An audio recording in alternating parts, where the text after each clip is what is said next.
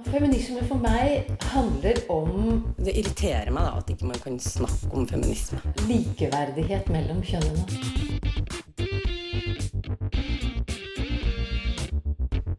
Det blikket på kvinnen på film. handlet det om å bli tatt på alvor som jente. Du hører på Et eget rom på Radio Nova. Forrige uke fikk dere være med et eget rom i Pride-paraden i Oslo.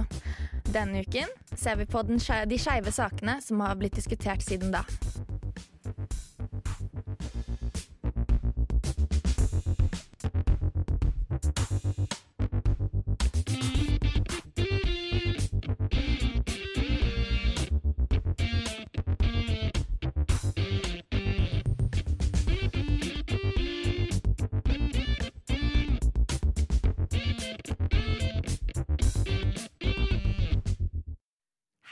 Og velkommen til Et eget rom. Eh, Det er en eh, litt overskyet mandag morgen, men det er greit. Fordi jeg sitter, eller eh, står, her med min gode venn Anita Kristiansen. Hallo, hallo. Um, ja, stolene var ikke på vår side i dag, så vi, vi står. Um, hvordan går det med deg, Anita? Det går bra. Jeg er litt trøtt. Det er jo holdt på å si, første dagen jeg gjør noe som helst på lenge. Jeg starter jo ikke skolen før på onsdag. Ah, Så jeg har bare egentlig sovet og spist fram til i dag. I dag var første dagen jeg sto opp tidlig, klokka åtte. Så eh, jo, det føles bra, men eh, nei, jeg er litt trøtt. Ja, Det må være lov. det, det er lov. Uh, jeg syns det er sykt deilig å være tilbake i studio. Ass. Dette er jo første gang vi liksom er i studio etter ferien. Og jeg bare, Det er ryddig her. Jeg skjønner ikke, Det har jeg aldri sett før. Det er fantastisk. Mitt navn er Andrea Berg, da. Eh, og jeg er jo den nye redaksjonslederen i Et eget rom.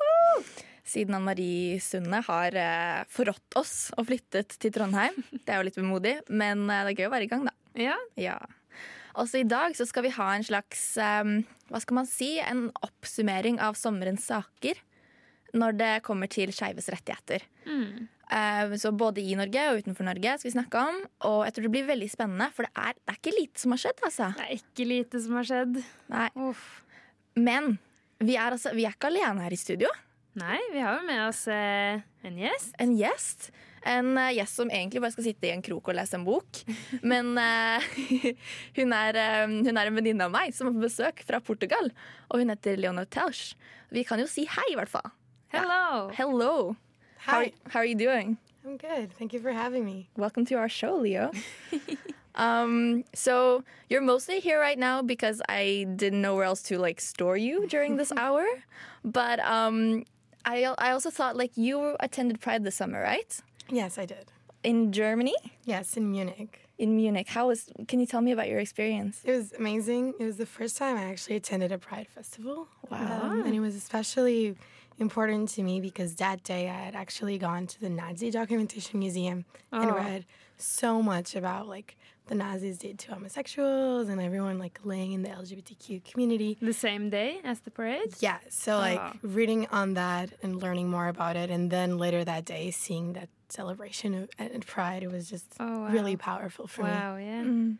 And I mean, there's been a lot of uh, discrimination against gay people in Germany, and like an uprising of of Nazism and stuff as well, right? Like, did you see any of that, or? I saw a lot of just like posters talking about it and like showing that there's so many more organizations as well trying to fight that because they've noticed that rise. That's really interesting.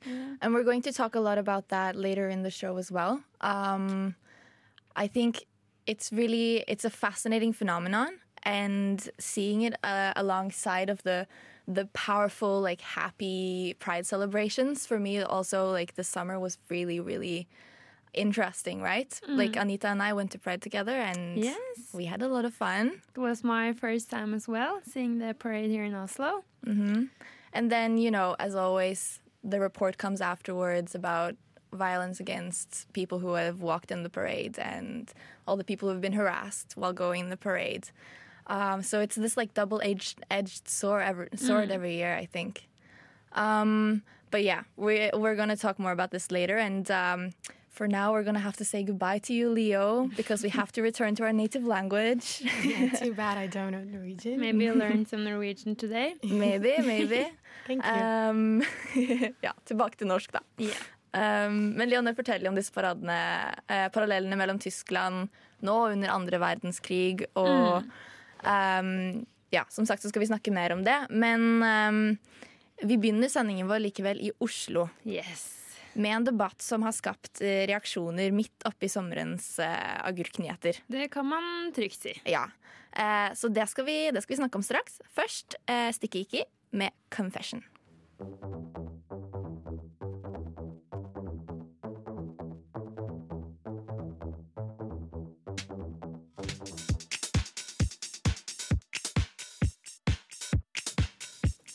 Du hørte det norske bandet Sticky Icky med låten 'Confessions'.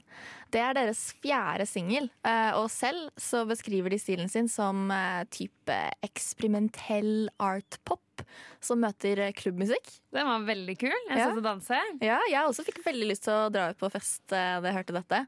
Men isteden så skal jeg tilbringe den neste timen her med deg. Å, stakkars. Men eh, jeg tror det blir eh, minst like bra. Ja. Gjør ikke du? Jo, jeg tror det. Vi har jo masse å ta for oss. Ja, dette blir bra. Hey, yeah. You don't have to love me.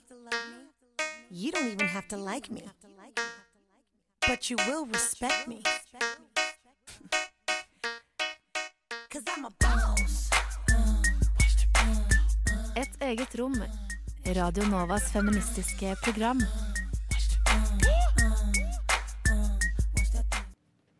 Det var Nidalsika Nidarsika Parmalingam, som, eller Nintu, da, som vi pleier å kalle henne her, eh, som hadde lagd den fabelaktige lille melodien til oss. Åh, den var sykt kul. Den er helt ny. Um, hun er i Brasil ass, dette semesteret. Ja. Så, men eh, jeg hører rykter om at eh, hun kommer til å høre fra seg likevel. Altså. Det håper jeg veldig. Du eh, hører på et eget rom, og i dag så oppsummerer vi sommerens homosaker. Uh, og det første vi skal snakke om, det er en debatt fra typ midten av juli. Eh, som begynte med en artikkel publisert i Aftenposten som het 'En svært stor andel av befolkningen på Grønland tolererer ikke skeive'. Og med en, ingress som, hvor det het at de heller ikke var åpne for å gjøre det med det første. Saken var basert på forskning utført av sosiolog Sara Fanny Sandberg Vik. Eller det vil si, det begynte vel kanskje egentlig med hennes innlegg, som ble publisert 2. juli, eh, og som hadde den litt mer nøytrale tittelen 'Hvordan oppleves det å være skeiv i Oslo'. Eh, men det var altså 7. juli da redaktør i gjenstridig.no, Nina Gjerpseth Høstlie, plasserte skylden eh, i denne mm, følelsen av å ikke føle seg liksom, akseptert i Oslo. Da.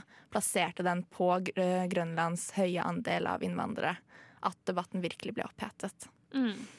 Um, så her kommer et uh, bitte lite klipp hvor uh, Gjerpseth Østli forklarer hvorfor hun mente at dette var viktig å snakke om.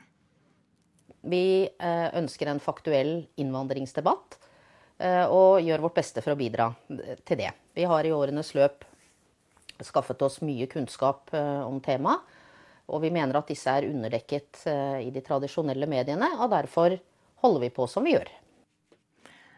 Der hørte vi redaktør i gjenstridig.no, Nina Jerpseth Østli. Hun eh, beskriver seg selv som nasjonalkonservativ. Ja. Ja. Um, Anita, Ja. når man åpner eh, begge disse sakene eh, i Aftenposten, så det første man ser da, er et kart over Oslo. Stemmer det? Kan ikke du beskrive det for oss? Det kan jeg beskrive. Vi har jo startet der på Bislett, som er et grønt område. Hva betyr grønt? At der er det oppleves det trygt for uh, skeive mennesker å oppholde seg. Og så går vi nedover Hegdehaugsveien, og Slotts... Eller Hegdehaugsveien er jo gul, så det er sånn OK. Slottsparken er eh, grønn. En grønn prikk.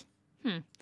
Og så har vi Rosenkrantz gate, der er det grønt. Karl Johan er gult. Og så har vi farlige røde Jernbanetorget, markert i rødt. Grünerløkka grønt. Og så har vi da Grønland, som er helt rødt. En, massi, en blodflekk omtrent på kartet. Ja, Ja. omtrent.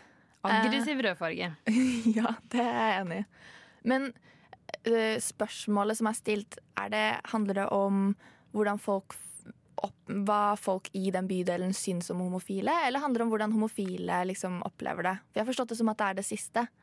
Altså Mm. hvor trygge homofile føler seg, ikke hvor, hva folk faktisk syns om homofile i de bydelene. Og så tenker jeg at den eh, artikkelen eh, som vi prater om nå, er jo voldsomt generaliserende. Selv om hun sikter til eh, statistikk, så er den jo voldsomt generaliserende, og det oppfordrer til en oss mot dem-mentalitet, som er da kjempefarlig. Og jeg tror det oppleves at det kan være flere grunner til at det kan oppleves utrygt for homofile å bevege seg på Grønland. Det kan jo ha en sammenheng med at det er veldig mange utesteder på Grønland. At det er veldig mange fulle mennesker rundt om sent på Grønland. Og fulle mennesker kan være aggressive. Og så kan det ha noe å gjøre med noen fordommer noen har. At det er ikke nødvendigvis eh, sånn at Nei, så svart-hvitt at innvandrere, nei, homofile, det syns ikke de er OK. Ja, for Sandbergvik, altså hun som gjorde forskningen, sosiologen her, hun mener at dette skyldes uh, Altså grunnen til at folk eh, føler seg utrygge på Grønland og Jernbanetorget, skyldes medias dekning av bydelene. Mm. Altså at uh, særlig de fremstillingene og formeningene som dannes gjennom eh, at man leser liksom, negative saker hele tiden om de stedene i, i media, da. Det bidrar jo en slik artikkel til, da, som den vi leste nå. Ja, men, men er det ikke noe hold i dette her? For hun refererer jo til noe forskning. Fordi altså eh, Det jeg har fått med meg, i hvert fall, er at hun fordi altså, På Grønland, bare for å begynne med liksom the basics, så mm. er det jo 56, 56 eh, innvandrere sånn yeah. cirka på Grønland. Eh, og stor andel somaliere og pakistanere. Og det er jo land som vi er klar over at uh, har ganske homofobe lovgivninger mm. hjem, altså hjemme i de landene, da. Ja. Um, så det kan jo hende at det gir mening da, å stille seg spørsmålet hva slags holdninger folk tar med seg. Det kan godt være, og hun viser jo til eh, statistikk her, som er gjort på Grønland, så det kan jo absolutt være noe hold i det. Men Ja, for hva eh, sier den statistikken? den sier jo at eh, skal vi se, ifølge Fafo i 2017 så mener at eh, andelen som mener at homofili aldri er greit. Da er det 44% med somalisk bakgrunn som mener det, 42% med marokkansk bakgrunn og 41% med pakistansk bakgrunn. Og så mm, står det også at tallene for de eldre er jo da verre. Og på Grünerløkka og Bislett så svarer eh, 2 det samme. Ja, sant. Mm, Det er ganske interessant. det er det. Men så er det jo um, Så kom det et svar da, 19. juli, fra um, en som heter Nora Mesen i Morgenbladet. Um, hvor hun på en måte Hun går ikke inn på hvorvidt dette er sant eller ikke med disse tallene, da, men stiller spørsmål ved hvorfor denne redaktøren er så opptatt av uh, homorettigheter når det kommer til em, innvandring. Og liksom stille litt spørsmål ved motivene hennes. For hva em, Vi kan jo kanskje begynne Nå blar jeg ut. Jeg har avisen min her, Ja, Ja, du har den med deg? Ja, ja, ja. Og så bare, jeg bare tenkte jeg skulle beskrive hvordan den eh, karikaturen eh, av redaktøren eh, ser ut. Ja. For da står hun der i liksom en bunad og ser liksom veldig stolt ut og med armene liksom i siden og veldig sånn patriotisk. Mm. Og foran henne på bakken så ligger det et homoflagg, og så har hun tatt og klippet ut en 17. mai-sløyfe av det homoflagget og hengt på bunaden sin. Ja. Og så, sant, så kommer denne kommentaren, og liksom det fremhevede sitatet som man først ser først, er Falske allierte som feirer min lesbiskhet parallelt med å fordømme min kulturelle bakgrunn, hudfarge og historie, kan jeg fint klare meg uten. Så det er ganske skarp kritikk. Hun fremhever også begrepet homonasjonalisme. Ja, hva betyr det? Det er et veldig interessant begrep. Eh, Det er en mye brukt strategi av eh, høyresiden, der de omfavner de skeives rettigheter eh, som et, som et verktøy for å underbygge fiendebilder av innvandrere. At liksom de forteller De bryr seg så mye om skeives rettigheter ved å fremheve at eh, det er noe innvandrere aldri syns er OK, og derfor burde vi anse det som en fiende for skeive mennesker, da. Ja, Kanskje det er en slags sånn link opp mot femonasjonalisme. Mm. Som er sånn når høyre, altså politikere på høyresiden snakker sånn anti-hijab og sånn eh, fordi av feministiske årsaker, mener de selv, men så snakker de aldri om feminisme ellers. Mm. Jeg føler at det er litt samme greie, egentlig. Ja. Og hun Nora Mesen skriver også at kampen Eller noe som jeg syns var veldig fint, at hun skriver at kampen mot likestilling for skeive alltid bør være antirasistisk. Mm. Og det er for at vi som samfunn aldri skal akseptere at de grunnleggende menneskerettighetene til en sårbar gruppe skal inngå i et populistisk maktspill. Det syns jeg var interessant. Mm. Og vi har jo det i vår, vår uh, Hva skal man kalle det? Vår statement om vår beskrivelse om et eget rom. At vi skal Mm. være et interseksjonelt program. Så det er jo veldig viktig for oss. At uh, det ikke går an å snakke om feminisme og kvinnerettigheter og skeives rettigheter uten å også trekke inn uh, uh, rasisme Mm. og uh, diskriminering basert på farge og bakgrunn og, og sånne type ting, da. Mm. Men altså Personlig så har det aldri falt meg inn å føle meg mindre trygg øst i sentrum enn i vest. Nei. Men så har jeg heller ikke et veldig skeivt uttrykk, da. Nei, det kan jo Um, noe med det å, det å gjøre. det kan det. Og um, jeg leste også en sak eh, som kom ut eh, 17. juni, så det er tidligere i sommer, da. Um, hvor NRK kunne melde at et, et eh, lesbisk par på Grønland hadde fått revet ned pride-flagget sitt. Og, blitt, uh, og fått eh, skjellsord slengt etter seg. da. Og da de ble intervjuet om det, så fortalte de at de ofte opplevde trakassering i delbydelen delen sin. da. Mm. Um, så jeg er litt sånn ambivalent på hva jeg skal tro på her. Men hvis man også For man må jo også ta seriøst den følelsen av utrygghet, da. Absolutt. Og jeg tror det kan godt hende hende at det er noe hold i det, som det vi var inne på tidligere. Men eh, også mediene skal være forsiktige med hvordan de velger å dekke en sak. For det her, slike saker bidrar jo til en holdningsendring. Mm, det er sant, Vi er jo begge journaliststudenter, så vi er jo veldig opptatt av hvordan mediet dekker saker. Men det er jo, de har jo gitt en stemme her til hun Hjelpseth Østlie. Eh, og som hun Nora Mesen sier, da, Mm. så dette er også et sitat fra samme artikkel. Noe sier meg at det ikke er bekymringen for skeives ve og vel som motiverer Hjelpseth Østlies samfunnsengasjement i dette tilfellet. Mm. Og jeg syns kanskje at det er en, et interessant sted å slutte, da. For Ja. hva, hvorfor er man opptatt av dette? Er det fordi man faktisk bryr seg om hvordan skeive har det? Jeg er egentlig enig, jeg får ikke det inntrykket, ass. Nei. Men eh, du, nå skal vi rett og slett dure videre. Ja, få gjøre det, da. Vi skal få høre en sang om et band som eh, heter så mye som Big Clit.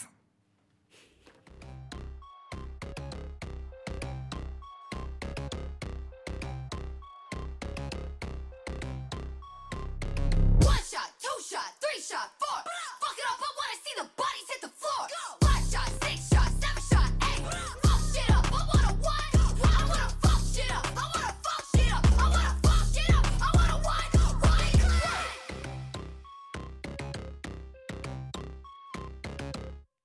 Det var eh, låta FSU, uh, Fuck Shit Up. klar for krig! Av Big Clit, ja. Fy søren, ass, samme. Musikkmagasinet The Father uh, har beskrevet uh, låten som et slag i magen, men på best mulig måte. Jeg syns det er så bra beskrivelse. Og, og beaten i bakgrunnen beskrives som sånn Gameboy-aktig. Og det også syns jeg var sånn perfekt beskrivelse. Så man får skikkelig lyst til å fuck shit up. Ass. Ja, det kan man si. Det passet seg etter det forrige stikket vårt, føler jeg. Ja. Ja. Um, uansett, du hører på et eget rom, og her sitter jeg, eh, Andrea Berg, med gode, gode Anita Kristiansen. Åh, hei, hei. Hei, hei. Og det er veldig bra at vi har hverandre, for nå skal vi gjennom et eh, ganske heavy tema. ass. Nå blir det tøft. Ja, nå blir det tøft. Um, ja. Eh, vi har også en portugiser i hjørnet her, så moralsk støtte. Um, nei, vi skal snakke om noe ganske trist. Det er nemlig den økende graden av høyreekstremisme i Europa. Mm. Og hvorfor er det relevant uh, i en episode om skeiv sommer? Uh, lurer du kanskje på, du som hører på oss.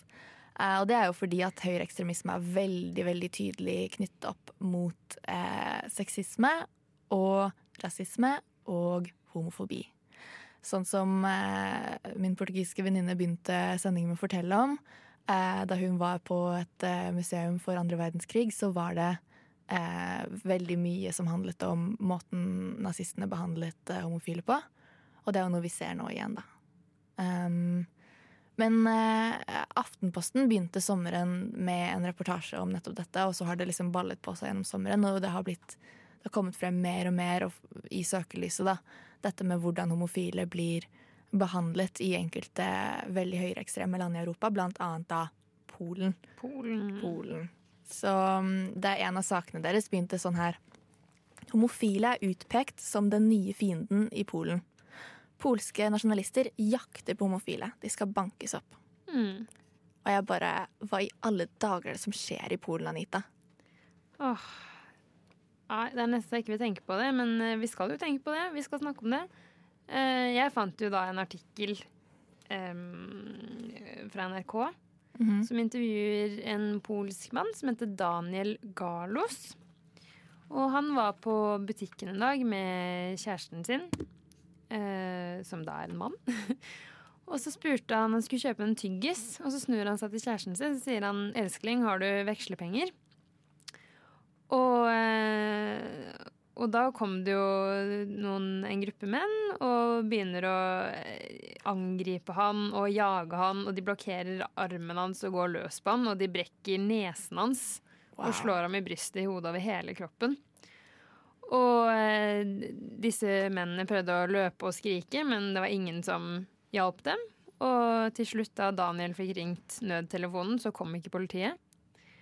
Så han, eh, blodig og forslått, så løper han jo til politistasjonen. Eh, men det er ingen på jobb der som vil hjelpe dem. Og det, altså en betjent i overetasjen oppdager eh, Daniel utenfor og ber ham bare om å dra hjem. Mhm. Det er jo helt vilt. Ja, Politiet som det skal beskytte deg og holde deg trygg. Ja. Og han har jo senere sagt til NRK at han og kjæresten Hubert opplever det jo som farlig i Polen. At det eneste stedet de føler seg trygge, er innenfor eh, i leiligheten med låste dører. Og så er det ganske ironisk da, når man også kan lese, dette er også Aftenposten som har uh, avdekket, at uh, du vet hvordan det er sånn uh, nazifri sone-klistremerker over hele Oslo? Har du sett dem? Ja. Ja.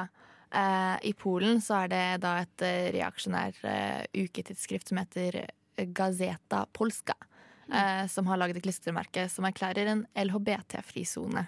Og det er bare everywhere, liksom. Det har tatt helt av. Og loven i Polen beskytter heller ikke mot hatkriminalitet, faktisk. Ja, som er er helt vilt. ekstremt, ja. Og homofile kan heller ikke registrere seg som partnere, åpenbart. da. Mm. Jeg har også lest at det, er, det var en lovparagraf som skulle beskytte bl.a. LHBT-minoriteter mot den type diskriminering. Da. Og den har bare blitt, den har blitt avskaffet. Sånn at eh, det er jo sånn Jeg tenker Vi har jo veldig mange sånn mega sånn macho statsledere for tiden. da. Vi har liksom eh, Donald Trump, og vi har Erdogan i Tyrkia. Ja. Vi har liksom alle disse, disse Og Modi i India. Liksom, disse liksom veldig patriotiske machomennene. Og så er det, det virker som om de liksom alle har valgt seg ut hver sin liksom gruppe da, som de skal hate på. Mm. Og sånn, jeg tenker sånn, De høyreekstreme i Norge er jo veldig opptatt av muslimer. Og, det, og i, i USA så er det jo også veldig mye mot eh, meksikanere. Og Mm. veldig mye de som er liksom hatgruppen til Trump. Og i Polen så virker det som det er liksom da eh, de homofile som har blitt valgt ut som den gruppen som man kan legge all skylden, all misnøyen over økonomien. Alt liksom, dette er jo den samme historien som før andre verdenskrig, da, hvor Ja. økonomien gikk dårlig, og så var det bare jødenes skyld. Og det er liksom den enkleste måten å få karret til seg makt Og ifølge, ja, ifølge en undersøkelse av eh, organisasjonen Campaign Against Homophobia, så er det nær 70% av homofile og transpersoner som sliter med selvmordstanker. Nei. Så eh, i paraden så går det jo rundt mennesker i gatene eh, i Polen og roper at eh, eh, de som styrer landet, har unges blod på hendene deres. Wow, det er jo helt forferdelig. Mm. Ja, nei, for det, og det er jo også noe man eh, typ, gjerne glemmer. Det er jo liksom, det er jo ikke bare eh, homofile og lesbiske det er snakk om. Det er jo alle typer LHBT-personer og mange, mange grupper som f.eks. transpersoner som nettopp liksom har begynt å få rettighetene sine hørt og stemmene sine hørt i Europa. Og så skal det bli tatt fra dem så fort. Det er så, det er så bittert, liksom. Det er veldig skummelt. Mm. Um, men Men jeg lurer på liksom hvorfor Ja, Vi snakket jo litt om det, da, dette med at det er en veldig sånn lettvint måte å få makt på som politiker, da, å hate en gruppe. Mm. Men liksom hvorfor homofile? Jeg, jeg skjønner ikke hvorfor det er liksom den gruppen man har valgt ut. Fordi at det er jo ikke en gruppe som det, jo ikke, det gir jo ikke noe mening å hate på innvandrere heller. Men det er, sånn, det er i hvert fall en slags sånn warped eh, logikk der, hvor det er sånn de kommer inn i landet, og det er nytt og skummelt. Men homofile har jo bare alltid vært der. Jeg tenker at det var jo en periode der det var ekstremt mye feiring av eh, homofile. Der alle plutselig var kjempeåpne. Og vi hadde RuPaul og Queer, og det var plutselig en bølge av eh, positivitet da, rundt det her. Og så er det akkurat som det har kommet et slags motsvar med sånne macho ledere. Sånn som vi har snakket om tidligere da vi diskuterte. Da. Det har kommet sånn Nå tilber man liksom den macho quarterbacken plutselig som et slags motsvar. Ja, at det kanskje blir en slags sånn pendeleffekt, da. Ja. Mm. Men um, ja. Det, det er jo ganske ekstremt, da, det som skjer. Ja, jeg kom nettopp på, det var jo i Istanbul også. Mm. Så var det jo sånn Det blir brukt tåregass mot Pride-paraden. Som det er en sånn voldelig demonstrasjon eller noe. Ja. Uansett, nå skal vi få lov til å ta en liten pause fra alt dette triste og høre på eh, Lokoi med Baby Blue.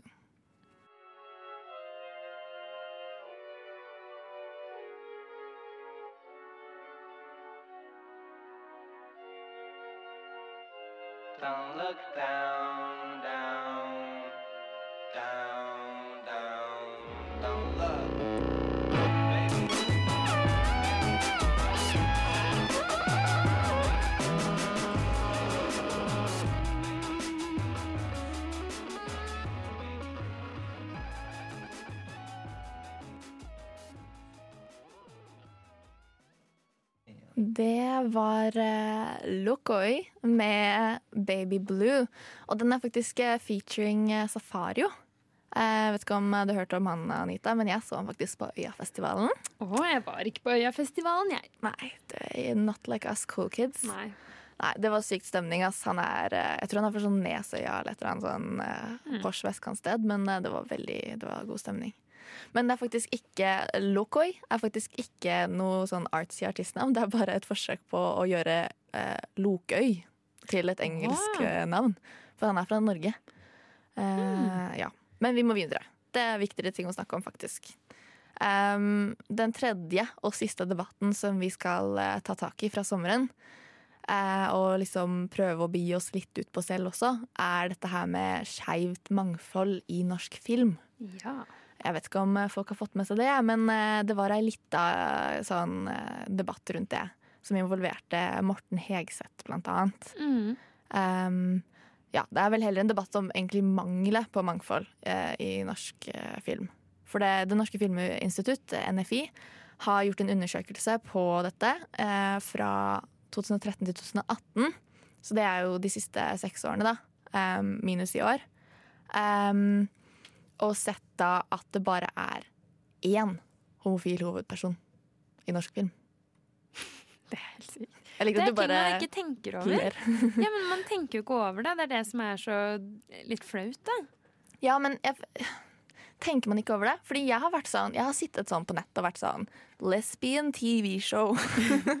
og da er det sånn Det kommer veldig fort til litt sånn eh, pornoaktige tendenser. Det kan jeg tro på. Nei, Ja. men jeg har på en måte ofte identifisert meg med jentene som er hovedrolle i de seriene jeg har sett. da Som går gjennom med 'Å, forelska han gutten på videregående, men han er ikke forelska i meg'. 'Å nei'. Og så må de ta seg brillene. Ja, slå ut hestehalen.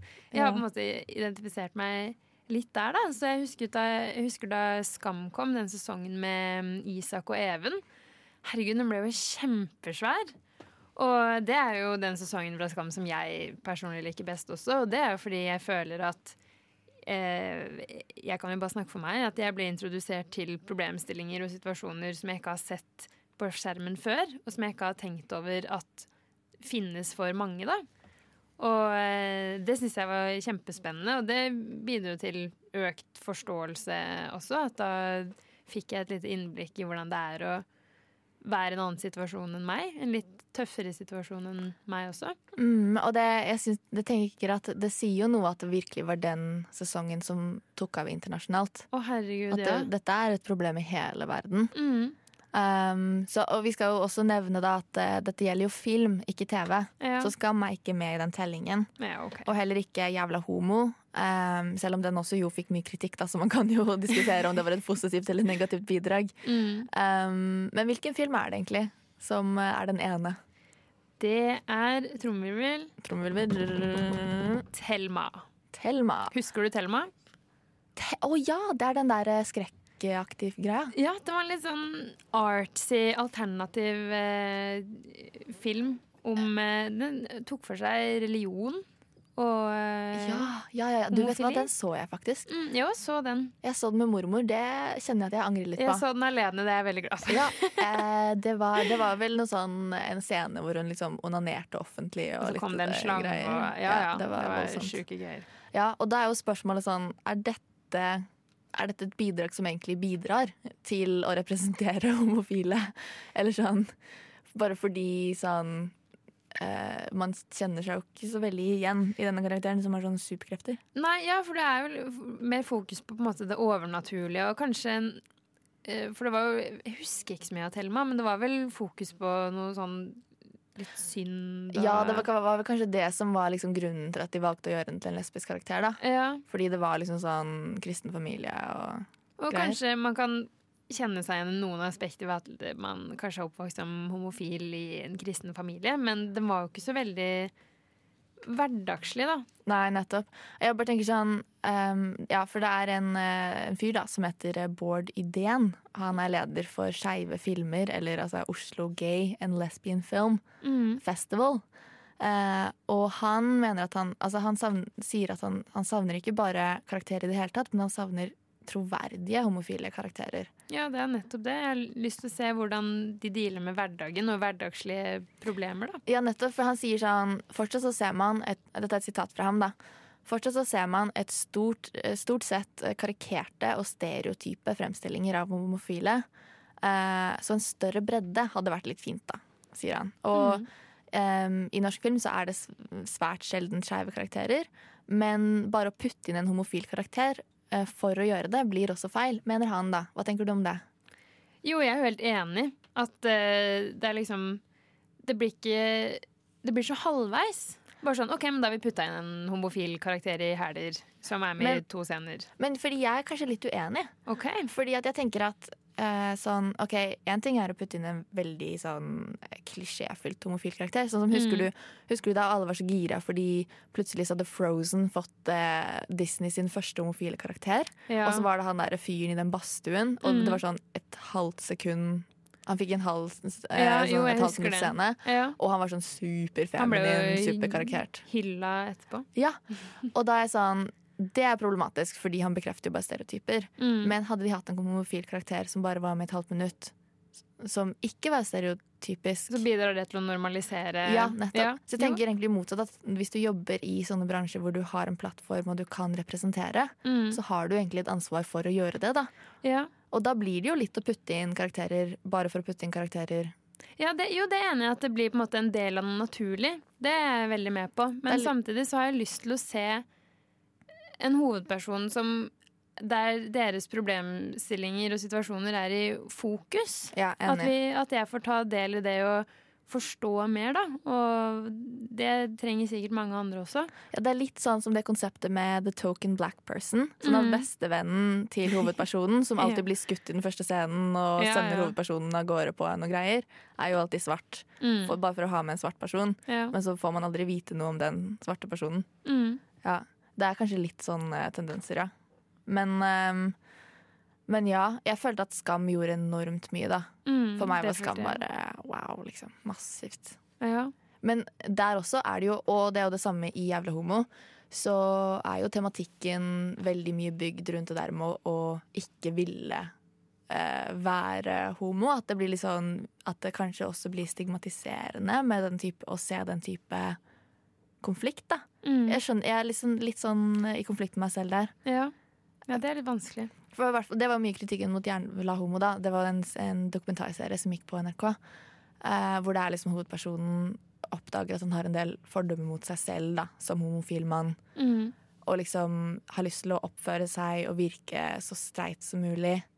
På en måte bare for, for å virke streit. Mm. Um, og så ehm, Men så tenker jeg sånn Det er veldig mange homofile som reagerte på det, fordi de var sånn Ja, men hva med å faktisk bare representere noen som er homofil og glad i seg selv? Ja. ja, at representasjonen er sånn Enten så blir den superkarikert, og det er sånn Eskil-karakter som bare er sånn happy-clappy og på fest hele tiden, og sånn. Eller så blir det bare sånn Det er jævlig trist å være homo, stakkars meg. Det er ingen bare sånn helt normale folk. Nei, men samtidig så syns jeg det er viktig å at man tar opp flere aspekter ved det. At eh, alle følelser blir representert. For det er sikkert veldig mange som kjenner seg igjen. Var det Gisle Agledal som hadde den jævla homo? Det er sikkert veldig mange som kan kjenne seg igjen i det han beskriver. Mm. Og det er jo veldig betryggende. Om det er, har en positiv effekt, det vet jeg ikke. Men eh, det bidrar sikkert til at veldig mange føler seg litt mindre alene i litt skamfulle følelser, da. Ja. Og det går jo også an å ha en sånn ha internalisert eh, på en måte fordommer mot en gruppe man tilhører. Mm. Men eh, ja. Nei, men nå må vi må videre igjen, altså. Vi må Det er rett og slett eh, tid for en låt som heter Got to Get to Know Ya av bandet Seratones.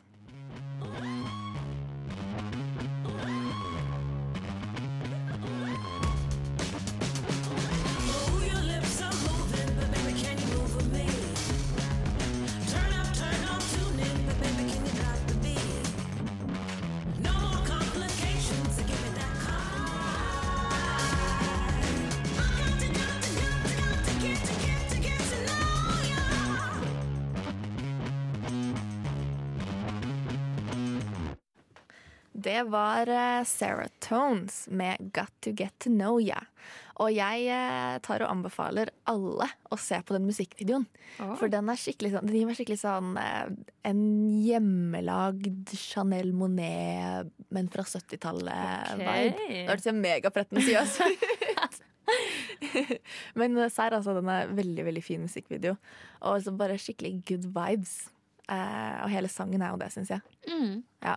Nei, men uh, Anita, nå nærmer vi oss rett og slett nærmer oss slutten. Det er, Vi har litt mer å gi. Ja, litt mer å gi. Eh, Det har gått fort. Det, har, det går alltid fort. Men eh, det er jo fordi vi har så utrolig mye spennende å snakke om. Det har vi. Og vi har jo til og med måttet velge vekk ting. Altså sånn, vi har ikke snakket om undersøkelsen fra NHRI som eh, har funnet ut at fire av ti skeive har opplevd hatytringer. Sant. Vi har ikke snakket om den gærne biskopen på, På Kypros. Oh, ja. Kypros. Ja. ikke snakket om han. Hva var det han mente igjen? Hva var det han mente igjen? At de blir, eh, homofile blir produsert ved at Ja, eh, foreldrene analsex. har analsex. Ja. Dette er biskopen på Kypros. Stopp verden, jeg vil av. Åh, herregud. det var et godt uttrykk. Nei, men og det føler også sånn Alle disse temaene kunne vi snakket om i liksom en hel sending hver. Og det Mm. skal vi sikkert en eller annen gang også. Helt sikkert. Ja, og som teknikeren vår eh, sa her i pausen mens vi hørte på musikk, var at uh, vi nevnte jo ikke 'Mannen som elsket Yngve', eksempel, da vi snakket om homofil eh, film. Vi kunne godt gått lenger tilbake i tid. Nei, det er alltid tusen ting til å snakke om. Sant. Ja. Men hva, hva er det du som har gjort sterkest inntrykk på deg i denne sendingen, da? Åh, godt spørsmål. Eh, alt har jo gjort et inntrykk, eh, men jeg syns jo den homohat på østkanten-debatten er jo veldig interessant. Mm, samme. Jeg blir litt sånn Jeg vet ikke helt hva jeg skal synes om det, fordi pride er jo på Grønland. Altså, det er liksom Grønland hoster jo selve festen liksom hvert Mm. år. Og jeg har jo mange venner som bor i det området som er, liksom, som er skeive selv, og Ja. veldig åpne om det. Og det er jo liksom det er jo i, det er jo, Tøyen er jo det nye Løkka, liksom. Hipsområdet. Ja, og, men, eh, men det er jo også Jeg kan jo skjønne det, da.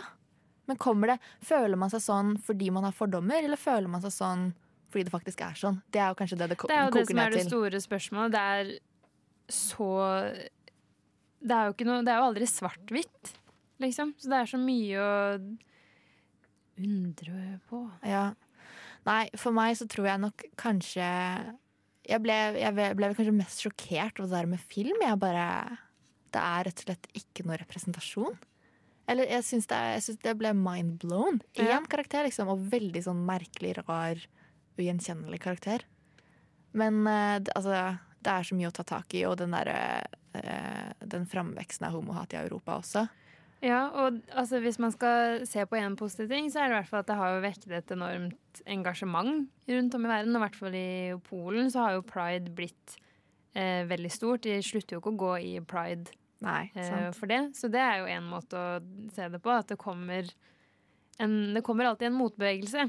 Ja, Kanskje det ikke så mye er en pendeleffekt som det er liksom en konstant sånn derre dragkamp. Ja. Mm. Hvor liksom hver gang det skjer noe veldig hatefullt, så kommer det alltid en sånn Det blomstrer opp en sånn skikkelig sånn Mm. kjærlighetsfestival i Ja, svar. Og så sant? kommer det liksom hatytringer mot det igjen, og det liksom Kanskje Mm. det bare er sånn verden fungerer. Jeg tror det. Det var litt, eh, det var litt Å trist igjen. nei, nå ble jeg nesten litt vondt i magen.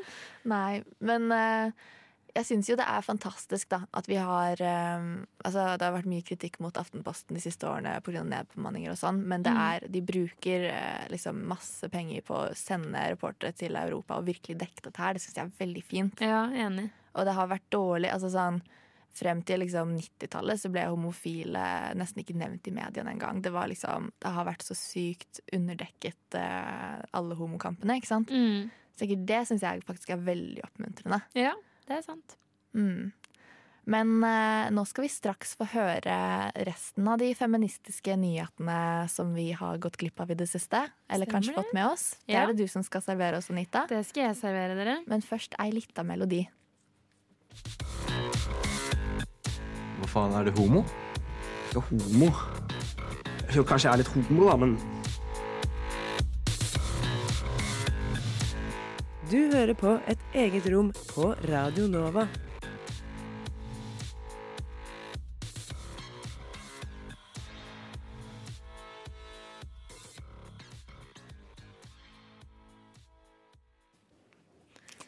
Ja, vi skal starte med litt feministiske nyheter.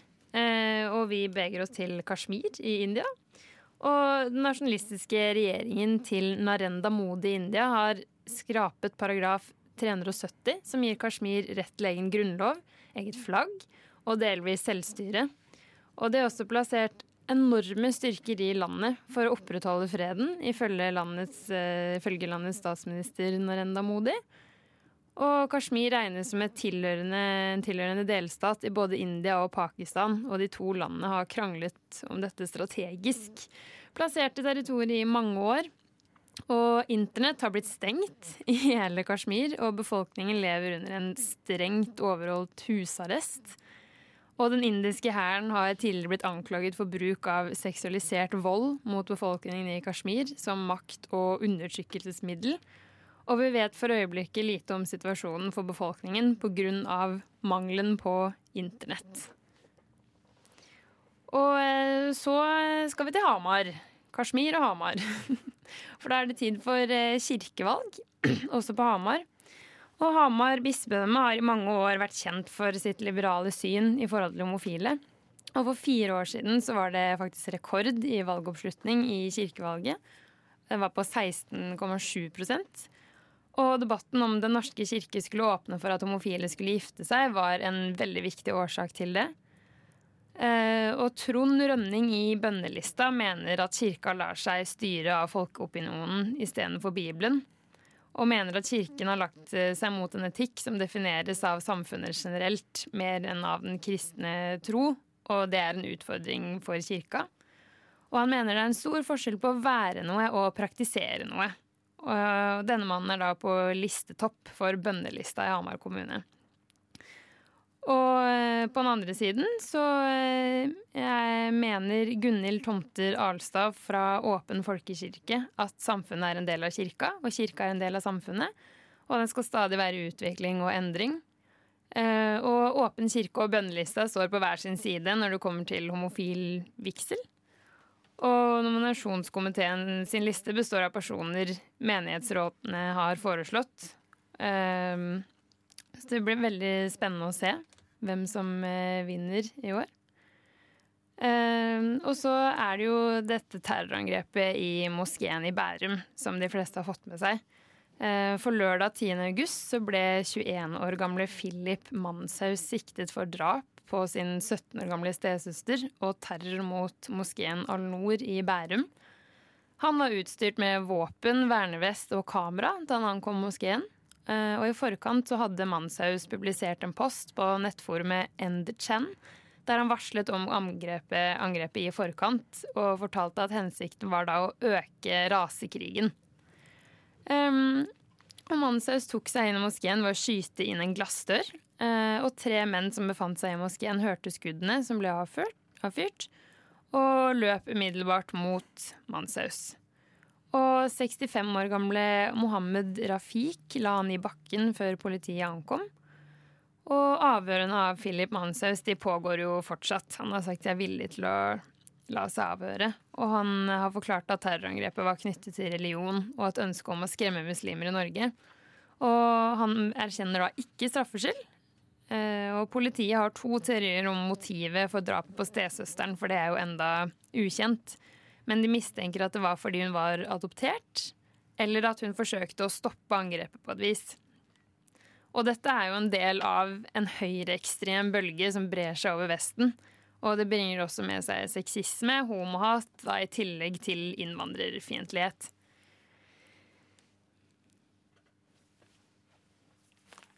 Can I begin?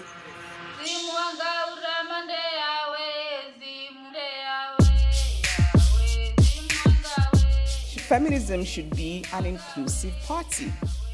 Feminism should be a party full of different feminisms. Du hører på Et eget rom på Radio Nova. Please go out there and make feminism a big, raucous, inclusive party.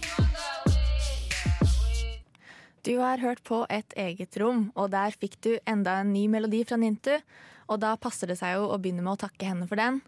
Takk også til deg, Anita Kristiansen, for denne fine timen vi har hatt i studio. Takk selv. Takk til tekniker Magnus Tune, som har holdt oss stabilt på luften gjennom hele sendingen. Og på veien ut så skal du få høre et band som ble formet på jazzlinjen i Bergen, nemlig Caramel Eleven, og deres låt Boxes of Ashes.